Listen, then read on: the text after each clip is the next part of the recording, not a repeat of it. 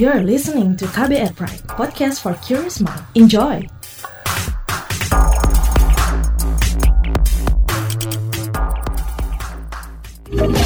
Kamu lagi dengerin What's Trending KBR Pagi. KBR Pagi siaran pagi radio paling update. Selamat pagi. Apa kabar Anda hari ini di hari Selasa 22 September 2020?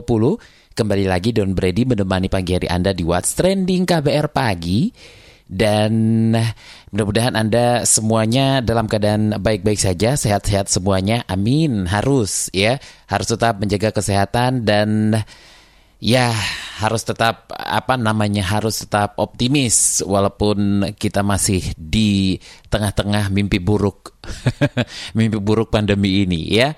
Well by the way, gimana nih so far uh, adik-adik ya ngomongin adik-adik ya. Adik-adik yang masih menjalani pembelajaran jarak jauh. Ataupun mungkin bu ibu atau bapak-bapak yang mulai agak sedikit kebingungan mendampingi anak-anaknya dalam uh, belajar online ini harus tetap semangat juga ya kan? Karena ini ya memang harus kita lalui daripada kita uh, beresiko untuk melakukan pembelajaran tatap muka seperti itu ya.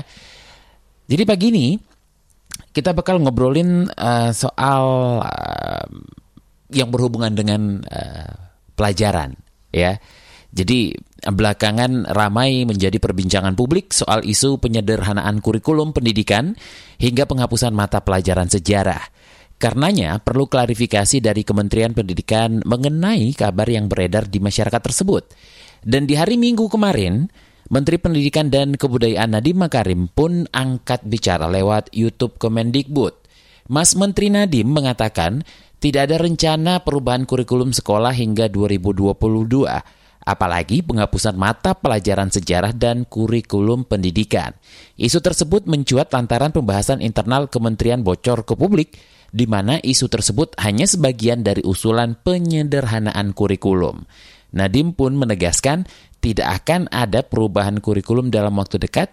Adapun uji coba penyederhanaan kurikulum akan dilakukan pada 2021 di beberapa sekolah percobaan dan bukan sekolah-sekolah nasional secara luas. Kita simak pernyataannya berikut ini. Saya ingin ucapkan sekali lagi bahwa tidak ada sama sekali kebijakan, regulasi, atau perencanaan penghapusan mata pelajaran sejarah di kurikulum nasional. Isu ini keluar karena ada presentasi internal yang keluar ke masyarakat dengan salah satu permutasi penyederhanaan kurikulum. Kami punya banyak puluhan versi berbeda sekarang yang sedang melalui FGD dan uji publik. Semuanya belum tentu permutasi tersebut yang menjadi final. Inilah namanya pengkajian yang benar di mana berbagai macam opsi diperdebatkan secara terbuka. Penyederhanaan kurikulum tidak akan dilakukan sampai tahun 2022. Di tahun 2021 kami akan melakukan berbagai macam prototyping di sekolah penggerak yang terpilih dan bukan dalam skala nasional. Jadinya sekali lagi tidak ada kebijakan apa pun yang akan keluar di 2021 dalam skala kurikulum nasional. Apalagi penghapusan mata pelajaran sejarah. Yang buat saya mengejutkan adalah komitmen saya terhadap sejarah kebangsaan kita dipertanyakan. Padahal misi saya adalah untuk memajukan pendidikan sejarah agar kembali relevan dan menarik bagi anak-anak kita. Kakek saya adalah salah satu tokoh perjuangan dalam kemerdekaan Indonesia di tahun 1945 ayah dan ibu saya aktivis nasional untuk membela hak asasi rakyat Indonesia dan berjuang melawan korupsi. Anak-anak saya tidak akan tahu bagaimana melangkah ke masa depan tanpa mengetahui dari mana mereka datang. Misi saya sebagai menteri malah kebalikan dari isu yang timbul. Saya ingin menjadikan sejarah menjadi suatu hal yang relevan untuk generasi muda dengan penggunaan media yang menarik dan relevan untuk generasi baru kita agar bisa menginspirasi mereka identitas generasi baru yang nasionalis hanya bisa terbentuk dari suatu kolektif memori yang membanggakan dan menginspirasi. Sekali lagi, saya himbau masyarakat jangan biarkan informasi yang tidak benar menjadi liar. Semoga klarifikasi ini bisa menenangkan masyarakat. Sejarah adalah tulang punggung dari identitas nasional kita. Tidak mungkin kami hilang. Nah, akan tetapi sudah perlukah kurikulum pendidikan kita disederhanakan. Ini yang akan kita obrolkan, tapi sebelum lanjut lagi, kita dengarkan dulu seperti apa keriuhan netizen plus 62 soal ini. Ini dia. Pertama akun @sentilin bilang, Kurikulum baru seakan itu semua sudah disahkan. Padahal faktanya masih proses rencana penyederhanaan kurikulum. Itu pun masih tahap diskusi dan kajian yang pastinya butuh waktu. Bukan sembarang diskusi, bukan sehari dua hari dikaji. Padahal dokumen yang beredar itu masih berupa draft loh. Kalau akun @mazini underscore GSP bilang, hilang sih enggak. Di draft penyederhanaan kurikulum dan asesmen nasional tanggal 25 Agustus 2020, pelajaran sejarah nantinya tetap ada ada bung, tapi nggak wajib, cuma jadi mata pelajaran pilihan. Jadikannya nggak wajib ini yang harus kita tentang karena pelajaran sejarah wajib dan penting. Akun Ed Iskandar Jet bilang, Menteri Nadiem membantah akan menghapus pelajaran sejarah. Pertanyaannya, siapa yang membocorkan draft sosialisasi penyederhanaan kurikulum dan asesmen nasional tanggal 25 Agustus 2020? Kalau belum dibahas di FGD dan uji publik, kok bisa nyebar disebar ke publik bocor atau dibocorkan. Akun @konsa MTH bilang, "Nah, wak wak wak. Kalau tujuan dihapuskannya mapel sejarah itu untuk penyederhanaan kurikulum, menurutku itu salah.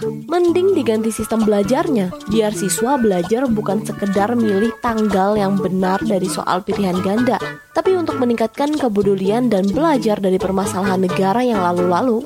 Sedangkan akun @ditaimin bilang, "Bagus deh kurikulum berubah tahun 2022 dan ada prototyping juga di 2021 untuk adaptasi. Perihal mutasi dan penyederhanaan kurikulum, semoga tepat sasaran dan betul-betul efisien.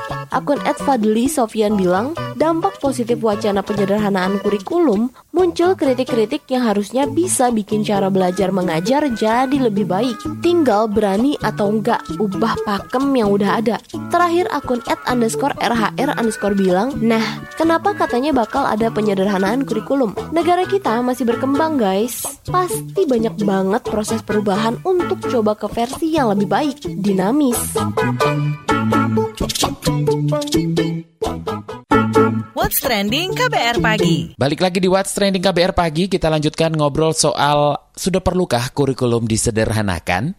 Jadi Federasi Serikat Guru Indonesia atau FSGI berpandangan bahwa Perhatian kepada kurikulum darurat di masa pandemi lebih penting uh, ketimbang penyederhanaan kurikulum pendidikan. Lebih lanjut, kita akan obrolkan ini bareng Wasekjen Federasi Serikat Guru Indonesia atau FSGI Satriwan Salim.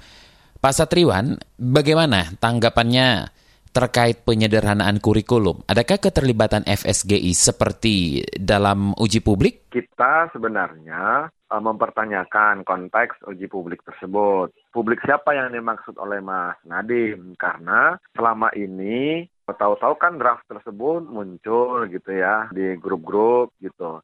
Nah, jadi tidak ada pelibatan dalam hal ini misalnya organisasi profesi guru yang pertama. Yang kedua, asosiasi guru mata pelajaran ya karena masing-masing guru mata pelajaran juga memiliki asosiasi. Yang ketiga LPTK Lembaga Pendidik Tenaga Kependidikan seperti kampus-kampus uh, eksklusif ya dan termasuk juga orang tua. Nah, jadi dalam hal penyederhanaan kurikulum ini sebenarnya kami bertanya, apa landasan filosofis, kemudian pedagogis, termasuk sosiologis yang dijadikan sebagai pijakan Kementerian Pendidikan untuk menyederhanakan kurikulum.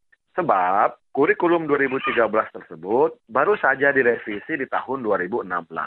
Artinya, kurikulum 2013 itu efektifnya baru dilaksanakan bagian sekolah sekolah-sekolah itu empat tahun. Bahkan banyak sekolah-sekolah itu yang baru melaksanakan atau memulai kurikulum 2013 itu di tahun 2019. Nah, oleh karena itu, wacana atau rencana penyederhanaan kurikulum tersebut mestinya kan berlandaskan kepada evaluasi. Ya kan, apa persoalan di dalam kurikulum 2013? Toh kurikulum 2013 ini baru dilaksanakan 4 tahun kan efektifnya gitu. Bahkan tadi yang saya katakan ada sekolah yang baru setahun. Lagi pula, kalau kita membaca utuh ya, naskah akademik dan konten-konten dari kurikulum 2013, kurikulum 2013 itu diproyeksikan sampai 2045. Ya kan? Dan untuk menjawab tantangan globalisasi, digitalisasi, ya kan, termasuk tantangan-tantangan sosial politik lainnya gitu. Nah, itu yang kita tahu di dalam naskah akademik kurikulum 2013 bahwa kurikulum tersebut pasti ada satu dua kekurangan, saya pikir revisi gitu loh. Jawabannya revisi bukan mengubah kurikulum. Hal apa saja yang perlu diperhatikan Kemendikbud terkait penyederhanaan kurikulum ini, Pak? Ya, hal-hal yang mesti dilakukan yang tadi ya, libatkan semua partisipasi publik, betul-betul publik gitu loh. Yang tadi saya sampaikan komponennya tokoh-tokoh, termasuk tokoh-tokoh pendidikan, organisasi profesi guru, kemudian asosiasi guru mata pelajaran, semua mata pelajaran. Kemudian juga yang penting adalah suara orang tua. Apa dan bagaimana respon atau perasaan orang tua selama kurikulum 2013 ini diimplementasikan. Itu yang hal-hal yang harus disiapkan. Yang kedua adalah harus ada apa sih rencana besarnya Kemdikbud, grand design-nya untuk menyederhanakan ini sampaikan ke publik grand design itu. Ya kan artinya idenya kan dari Kemdikbud nih sekarang. Nah, ide besarnya Kemdikbud itu apa terkait penyederhanaan kurikulum? yang sebenarnya bagi saya ini bukan penyederhanaan, lebih kepada mengubah kurikulum. Sehingga pameo yang berkembang selama ini di Indonesia ganti menteri ganti kurikulumnya ini kan terbukti lagi gitu. Kami tidak tidak berharap guru dan siswa menjadi kelinci percobaan gitu ya. Nah, jadi harus berbasis riset. Ya, risetnya yang mendalam. Apa evaluasi? Evaluasi sudah belum? Belum. Kalau mau merevisi atau mau menyederhanakan istilahnya kementerian sekarang ya, itu harus berdasarkan riset evaluasi terhadap kurikulum 2013 gitu. Nah, yang berikutnya saya rasa momentumnya sekarang itu tidak pas. Ya, tidak ada unsur keterdesakan untuk menyederhanakan kurikulum saat ini karena kita selama ini lagi pandemi ya ini lagi PJJ kita pembelajaran jarak jauh saja banyak kekurangan kenapa Kemdikbud tidak fokus terhadap pembenahan PJJ daring dan luring sampai ada orang tua yang membunuh anaknya karena dia tidak bisa menemani, membimbing anaknya belajar PJJ daring kan? Kan terjadi kan kemarin itu mestinya pembenahan terhadap PJJ yang mestinya dilakukan gitu. Nah, saran atau rekomendasi Anda terkait hal ini? Dari awal kami tanda kutip bawel gitu ya bagaimana agar pemerintah itu memberikan pelayanan terhadap PJJ daring dan luring. Rekomendasi kami beberapa juga alhamdulillah diterima dan dilaksanakan oleh pemerintah seperti membuat kurikulum darurat Ya kan, kan kurikulum darurat kan sekarang sudah dan sedang dilaksanakan kan, sudah dibuat dan sedang dipakai oleh guru dan siswa sekolah. Itu itu sudah diimplementasikan. Kami mengapresiasi juga baik Kementerian Pendidikan maupun Kementerian Agama. Nah, terkait dengan PJJ daring, luring, ya daring luring ini memang masih banyak kendala. Nah, kendala-kendala yang luring yang paling banyak sebenarnya yang dirasakan. Mereka tidak bisa mengakses internet, mereka tidak memiliki gawai, ya kan? Mereka akses menuju rumah-rumah siswa itu sangat susah. Alhasil apa? Kami belum melihat progres yang signifikan terhadap intervensi pemerintah terhadap PJJ yang luring. Anak-anak yang tidak memiliki akses internet itu belum ditambah aksesnya. Ya kan, oh, persoalannya masih sama.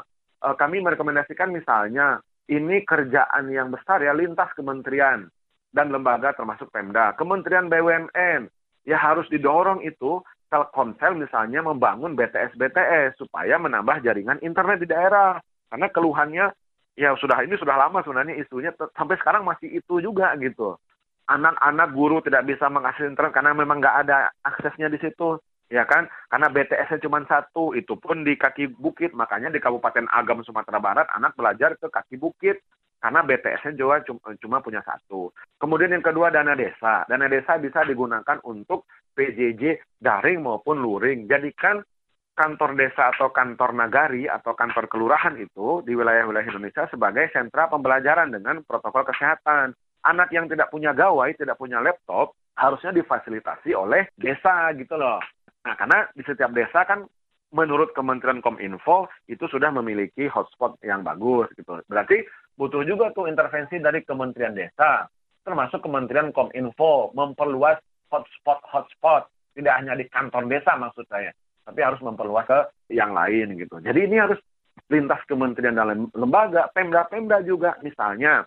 Pemda itu harus menginisiasi semua Pemda, kota, kabupaten, atau termasuk provinsi membuat tayangan-tayangan di televisi-televisi lokal. Jangan lagi tef, hanya TVRI atau RRI, tapi ini televisi-televisi lokal menayangkan konten-konten pembelajaran selama PJJ. Nah, itu kan belum masal dilakukan. Terima kasih Wakil Sekretaris Jenderal Federasi Serikat Guru Indonesia, atau FSGI Satriwan Salim.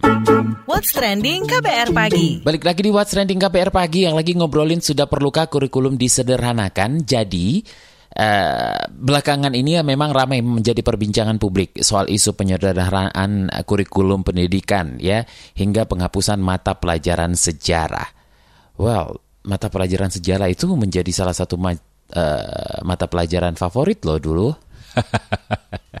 Beneran? Apa mungkin karena gurunya baik ya? Nah ini kita tanyakan nih, gimana rencana penyederhanaan kurikulum pendidikan ini dipandang oleh pengamat dari Jaringan Pemantau Pendidikan Indonesia atau JPPI. Sudah bersama saya Koordinator Nasional JPPI Ubaid Matraji. Pak Ubaid, terkait dengan penyederhanaan kurikulum yang sebelumnya ramai soal mata pelajaran sejarah yang dijadikan pilihan, apa urgensi penyederhanaan kurikulum ini? Pentingkah dibahas saat ini? Menurut saya ya nggak penting ya. Situasi seperti ini itu kan butuh uh, perhatian yang sangat serius di mana kita sedang menghadapi persoalan yang sangat besar yaitu efektivitas pembelajaran di saat pandemi, di saat darurat. Dan hasil riset menunjukkan memang pembelajarannya tidak efektif, uh, kemudian sangat memberatkan uh, orang tua dan juga peserta didik segala macam gitu. Nah, tentu saja kalau berdasarkan pemantauan JBPI, ini bukan hanya persoalan bagaimana pembelajaran itu dilakukan, tetapi sangat terkait erat dengan kompetensi guru gitu. Kan kita tahu bahwa e, salah satu problem utama yang menjadi tantangan pendidikan kita adalah bahwa guru-guru kita kompetensinya itu disadari atau tidak berdasarkan riset yang ada, berdasarkan uji kompetensi guru memang nyatanya memang rendah gitu kan. Jadi kurikulum mau diubah seperti apa pun, mau disederhanakan seperti apa pun, kalau kompetensi tenaga pendidiknya masih rendah, eh, tentu eh, tidak berdampak apa pun terhadap eh, efektivitas pendidikan atau pembelajaran eh, di kelas itu. Gitu. Oke, persoalan apa saja yang ada di dunia pendidikan Indonesia sehingga perlu eh, penyederhanaan kurikulum? Jangan menambah daftar masalah kalau menurut saya ya kurikulum itu kan yang kurikulum 13 saja kan di lapangan itu sejauh mana itu dijalankan kan masih bermasalah gitu. Ini Pak Menteri kemudian bikin penyederhanaan kurikulum, lalu nanti ada kurikulum baru sekali lagi dan sebagainya. Pasti tidak tidak berkorelasi terhadap peningkatan uh, mutu peserta didik selama ya tidak ada peningkatan uh, kompetensi uh, guru itu gitu kemarin bulan yang lalu itu kan Mas Menteri mengeluarkan uh, kurikulum uh, darurat kan. Dan kurikulum darurat itu kan diterbitkan di tengah-tengah pembelajaran sudah mulai. Di lapangan nggak ada yang pakai kurikulum darurat itu. Mereka kuri, pakai kurikulum normal seperti uh, biasanya itu. Artinya seberapa penting kurikulum itu uh, menjadi acuan pembelajaran uh, di sekolah itu bagi guru-guru yang ada di sekolah, bagi uh, kepala sekolah itu tidak terlalu penting gitu. Karena ya pelajarannya kan tetap itu-itu saja kan, tinggal metodenya bagaimana segala macam. Lah menurut saya yang paling penting hari ini adalah bagaimana guru bisa mengajar secara kreatif, ya kan. Bagaimana guru e, mampu menggunakan pendekatan-pendekatan baru yang lebih kreatif, yang lebih inovatif, yang lebih progresif untuk meningkatkan literasi, meningkatkan nalar kritis dan kompetensi-kompetensi peserta didik yang lain. Itu yang yang lebih mendesak daripada ngurusin kurikulum. Tarik kurikulum ya dari dulu sampai sekarang ya begitu-begitu aja kan.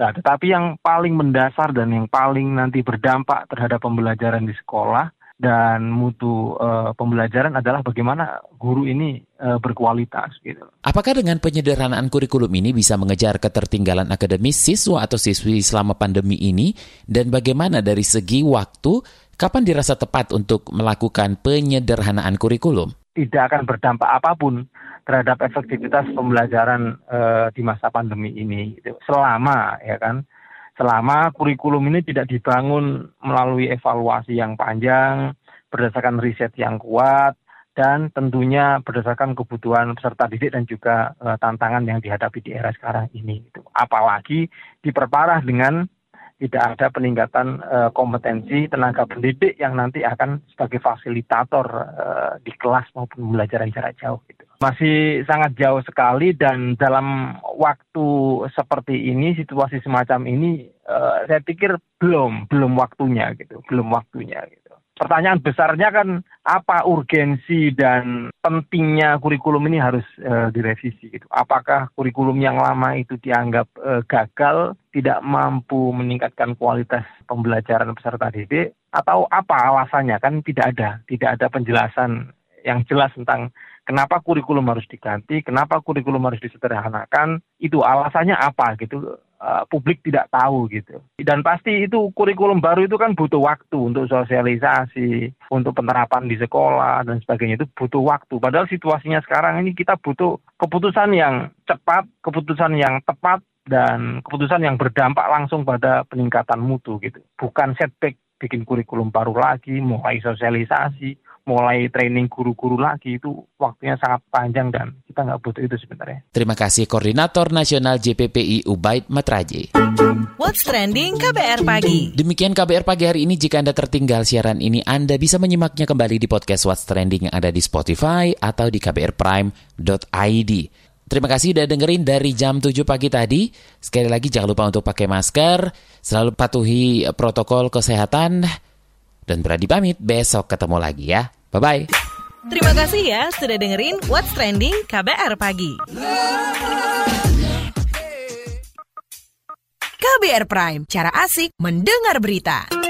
KBR Prime, podcast for curious mind.